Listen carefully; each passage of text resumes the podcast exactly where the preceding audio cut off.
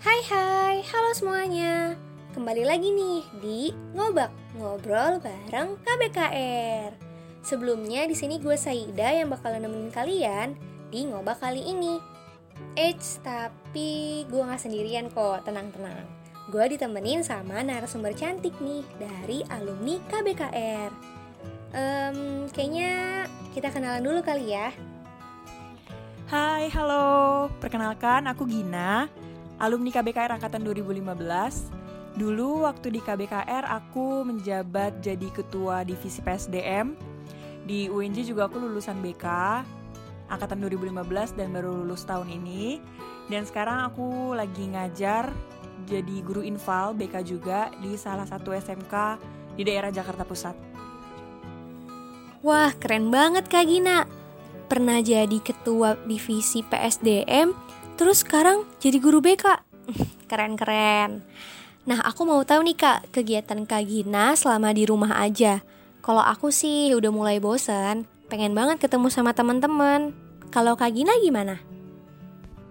Hmm, kegiatan aku selama masa pandemi kini, aku Senin sampai Minggu full di rumah sih memang. Cuma Senin sampai Jumatnya itu aku tetap kerja, kerja dari rumah uh, sebagai guru BK itu aku masih harus ngasih laporan ke sekolah.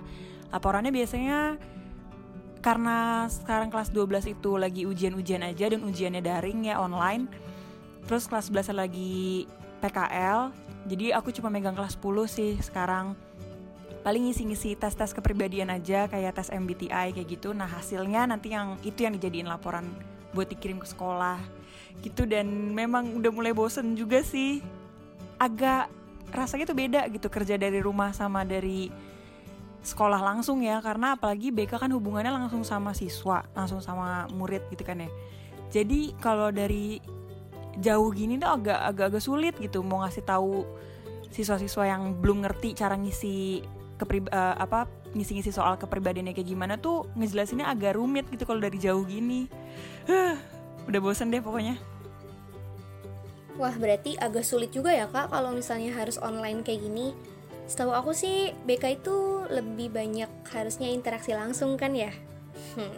Oh iya nih pas banget Kak Gina itu guru BK Aku mau cerita dikit nih kak. Belakangan ini tuh aku ngerasa pas lagi aku sedih dan curhat ke orang lain tuh Terus mereka responnya nggak sesuai sama yang aku harapin. Mereka malah bilang, lihat sisi positifnya dong kamu itu kurang bersyukur. Terus ada juga yang bilang, banyak yang lebih gak seberuntung daripada kamu. Hmm, terus akhirnya aku cari tahu kak, kalau respon kayak gitu tuh apa sih namanya dan ada gak sih pembahasannya? Ya walaupun aku udah riset dan baca-baca sedikit sih, tapi aku mau diskusiin hal ini sama kakak. Sebelumnya, kakak udah pernah dengar belum sih tentang toxic positivity ini? Oh iya iya, pernah dengar kok Pernah pernah. Menurut Kak Gina, uh, toxic positivity itu apa sih Kak? Kalau dari yang aku tahu, toxic positivity itu adalah suatu perasaan positif yang dipaksakan. Jadi itu bikin orang uh, jadi denial gitu kalau hidup tuh sebenarnya nggak harus selamanya happy terus, nggak selamanya harus hal-hal menyenangkan terus yang terjadi, tapi juga ada hal-hal sebaliknya.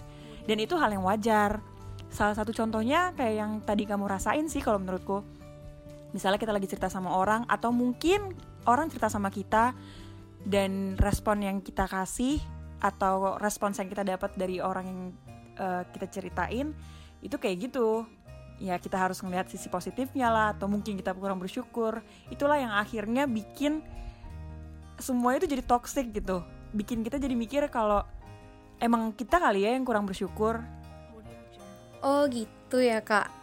Toxic tapi positif. Gimana dong? nah aku kan pernah nih ya kak ngalamin. Nah kalau dari Kak Gina sendiri Kak Gina pernah gak sih ngalamin yang namanya toxic positivity? Aku mau denger dong kak cerita dari Kak Gina. Aku nggak inget detail sih kapan kejadiannya dan bagaimana kejadiannya. Cuma aku yakin aku pernah ngalamin itu gitu. Aku cerita sama seseorang atau aku cerita sama teman aku dan respons aku dapat uh, aku dibilang kurang bersyukur aku harus lihat sisi positifnya dari semua ini gitu. Dan gak menutup kemungkinan aku juga yakin aku pernah sih ngelakuin itu ke orang gitu. Jadi berdasarkan pengalaman aku sih aku pun pernah gitu menjadi korban dan menjadi pelakunya. Cuma karena aku lupa kapannya yang jelas sih bukan dalam waktu dekat ini ya ya udah lama lah berarti karena aku nggak benar-benar nggak ingat kapan kejadiannya cuma aku yakin aku pernah ngerasain itu Berarti secara nggak langsung dan nggak sadar, sebenarnya kita pernah ya jadi korban dan jadi pelaku toxic positivity ini. Aku juga nggak tahu sih tujuan toxic positivity ini apa. Jadi kadang sulit ngebedain gak sih kak mana orang yang toxic positivity, mana orang yang bener-bener empati sama cerita kita. Kalau Kak Gina, gimana cara ngebedainnya? Oh iya iya iya dan aku juga jadi inget kalau aku juga ada pengalaman tentang hal ini sama orang terdekat aku sendiri yaitu mama aku. Kenapa bisa mama aku? Karena aku apa-apa selalu cerita sama mama aku. Jadi dari dulu itu uh, apa pun yang aku alamin, apa pun yang aku rasain tuh aku pasti cerita sama mama aku. Dan one day mama aku itu uh, ngasih respons yang kayak gitu, ngasih respons yang meminta aku untuk ngelihat sisi positifnya dari semua ini gitu. Cuma pada saat itu aku nggak ngerasa itu toxic gitu karena mamaku tuh sebelum minta aku buat lihat sisi positif dari semua hal yang aku alamin dan aku ceritain ke mamaku itu, mamaku tuh coba dengerin dulu semua keluh kesah aku, dengerin dulu semua cerita aku sampai selesai, terus coba ngerti atau coba mamin apa yang lagi aku rasain pada saat itu. Sampai akhirnya aku udah bisa mikir jernih sendiri. Baru mamaku juga bantu aku untuk lihat sisi positif dari semua ini gitu. Dan karena menurut aku itu memang perlu dilakuin uh, sesekali gitu ya. Maksudnya kadang kan orang juga kalau misalnya lagi ngalamin hal yang buruk gitu dalam hidupnya selalu mikir dia yang paling sial misalnya atau dia yang paling terpuruk hidupnya atau dia yang paling ya hancur lah hidupnya. Sebagai orang yang dengerin ceritanya kan pasti harus ada salah satu caranya dengan uh, mening bukan meninggikan sih maksudnya membangunkan dia lagi gitu dengan cara ya kita tunjukin lah hal-hal positif dari semua ini tuh sebenarnya masih ada. Untuk menyadarkan juga sekedar menyadarkan kalau uh, ini tuh imbang loh. Walaupun lo nggak uh, ngalamin hal negatif tapi masih ada positif kalau di sini jadi itulah yang menurut aku sebenarnya perlu dan aku ngerasa itu yang dilakuin sama mamaku pada saat itu. Cuma yang bikin jadi toxic menurut aku orang-orang yang uh, belum apa-apa, maksudnya dengerin cerita orang nih, belum dia belum ngerti perasaan orang itu kayak gimana, dia belum paham betul apa yang dialamin sama orang itu, dia langsung bilang ke orang itu kalau dia harus ngeliat sisi positifnya. Sedangkan dia aja belum paham betul nih sama sisi negatifnya, gimana dia mau jelasin sisi positifnya yang ada gitu di balik semua itu. Jadi gimana aku membedakan empati dan toxic positivity itu sendiri dengan ngelihat gimana respons lawan bicara aku sih ketika aku bercerita gitu. Kalau misalnya lawan bicara aku menunjukkan reflections of feelingsnya, uh, terus dia nunjukin apakah eh gimana dia gimana dia paham betul sama apa yang lagi aku rasain, terus nggak yang semata-mata langsung ngomong minta aku untuk lihat sisi positifnya.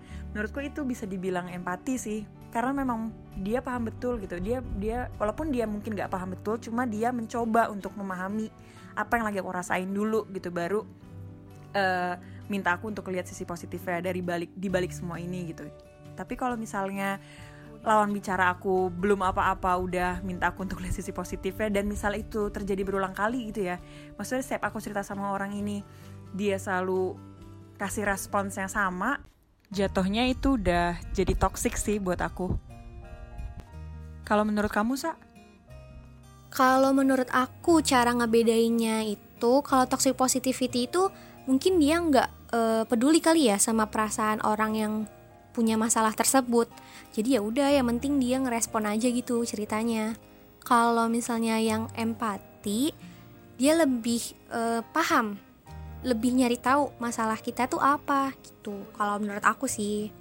Oh iya kak. Kan cara aku buat ngehindar dari toxic positivity ini dengan aku nulis sama gambar gitu kak. Kalau kak Gina gimana cara ngehindarnya? Kalau aku dengan seiring berjalannya waktu sih ya aku coba memfilter lingkungan aku sih. Aku coba kenalin kan selama ini aku juga udah kenalin lingkungan aku kayak gimana. Orang-orangnya siapa-siapa aja yang kalau ngasih respons tuh kayak gini. Nah itu aku coba filter aku cerita hanya sama orang-orang yang aku udah paham betul gimana cara mereka merespons. Dan aku juga menahan diri aku sih ketika aku yang jadi tempat cerita orang gitu ya. Kayak posisinya sekarang kan aku lagi jadi guru nih banyak gitu siswa yang sering cerita sama aku. Aku yang coba tahan diri aku sendiri untuk gak ngeluarin kata-kata itu gitu ke murid-murid aku karena yang mereka butuhin adalah tempat untuk cerita gitu. Jadi sebisa mungkin aku coba lebih pahamin masalahnya dulu apa sih gitu baru aku bisa ngasih pandangan-pandangan positif aku ke mereka. Itu sih lebih nahan diri. Sama aku menjauhkan media sosial beberapa waktu lah. Nggak usah sering-sering cuma sesekali ya boleh lah. Karena sosial media sosial media itu menurut aku lumayan toksik Tapi kak, kadang nih ya, aku ngerasain juga sih Kalau nggak buka HP dan ngeliat sosmed tuh kayak ada yang kurang aja gitu kak. Gimana ya kak caranya? Sosial media itu kan toxic buat beberapa orang tapi juga ada yang enggak gitu kan buat beberapa orang.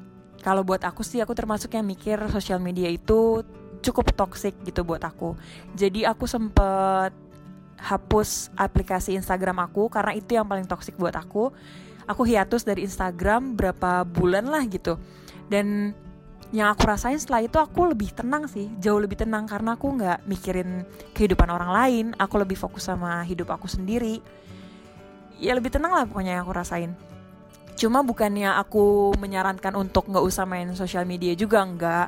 Menurutku tetap boleh main karena kan Iya kayak hal-hal kayak gini nih toxic positivity atau hal-hal terap yang terbaru tentang kesehatan mental segala macam kan sekarang lebih cepat kita dapetin dari media sosial juga gitu kan.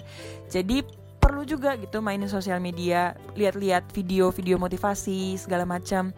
Cuma maksudku kalau tujuannya untuk evaluasi diri atau untuk self improvement ya ada batasnya lah gitu karena kan apa pun yang kita tonton di YouTube, apa pun yang kita lihat di Instagram dari influencer-influencer apalah gitu atau dari motivator-motivator apalah, ujung-ujungnya kan kita juga gitu yang harus uh, mas nyaring input-inputnya masuk gitu ke diri kita buat perkembangan diri kita juga gitu kan. Jadi ada batasnya aja sih menurut aku. Oke oke, mungkin toxic positivity ini sebenarnya sering banget ya kita alamin setiap hari Bahkan mungkin teman-teman yang dengar ngobak ini juga pernah ngalaminnya kan? Tapi ya kita nggak pernah sadar aja dan nggak tahu namanya apa. Ya itulah kenapa manusia masih perlu untuk bersosialisasi. Karena sekalipun kita yakin bisa nyelesain masalah kita sendiri, aku sih percaya kita masih butuh bantuan orang lain. Paling nggak untuk menyadarkan kita sesuatu hal yang mungkin belum kita sadarin sebelumnya. Dan pesan aku buat teman-teman yang dengerin ngobak ini, semoga kalian bisa bener-bener ambil hal positifnya, yang bener-bener positif dari obrolan kita ini.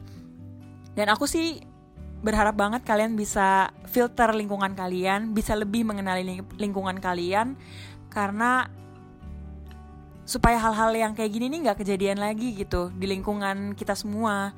Karena kasihan gak sih orang-orang yang sebenarnya dia mau cerita karena memang dia lagi ngalamin masalah terus di saat dia udah cerita ditambahin lagi masalah sama orang yang dengerin ceritanya dengan ibaratnya menyalahkan dia gitulah. Ini karena dia yang kurang bersyukur gitu kan. Kasihan gitu bebannya bertumpuk-tumpuk. Dan aku cuma mau ngingetin uh, bahwa hidup itu tuh nggak cuma selamanya tentang kamu dan nggak cuma selamanya tentang aku tapi tentang kita semua.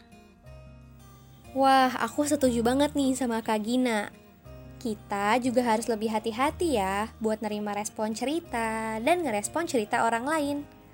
Tujuannya sih buat ngehindar dari uh, toxic positivity ini.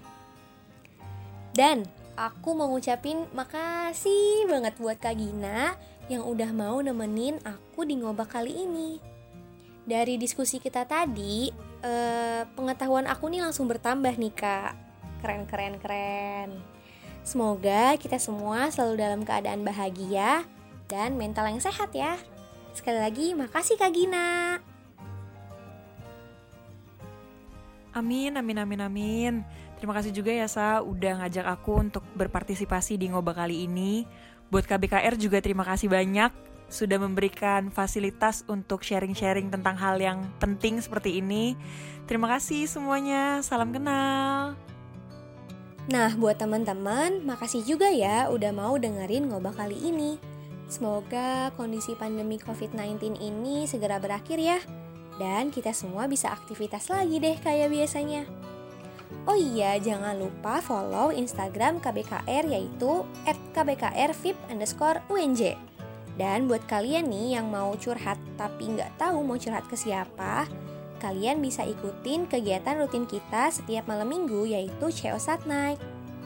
Kalian bisa nih follow Instagramnya di c at co underscore sat night.